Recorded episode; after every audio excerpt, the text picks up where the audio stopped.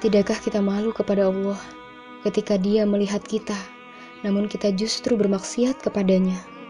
Tidakkah kita malu ketika Allah melihat hati kita sibuk dengan selainnya, padahal kita sedang sholat? Tidakkah kita malu ketika kita mengatakan suatu perkataan, namun di hati kita tidak ada rasa takorup kepadanya? Tidakkah kita malu ketika Allah melihat di hati kita ada kebencian dan murka kepada saudara yang muslim? Tidakkah kita malu ketika dia melihat di hati kita suka menyuruh dan membebani makhluk ciptaannya. Tidakkah kita malu ketika dia melihat di hati kita ada pengagungan kepada makhluk lebih banyak daripada yang menciptakannya?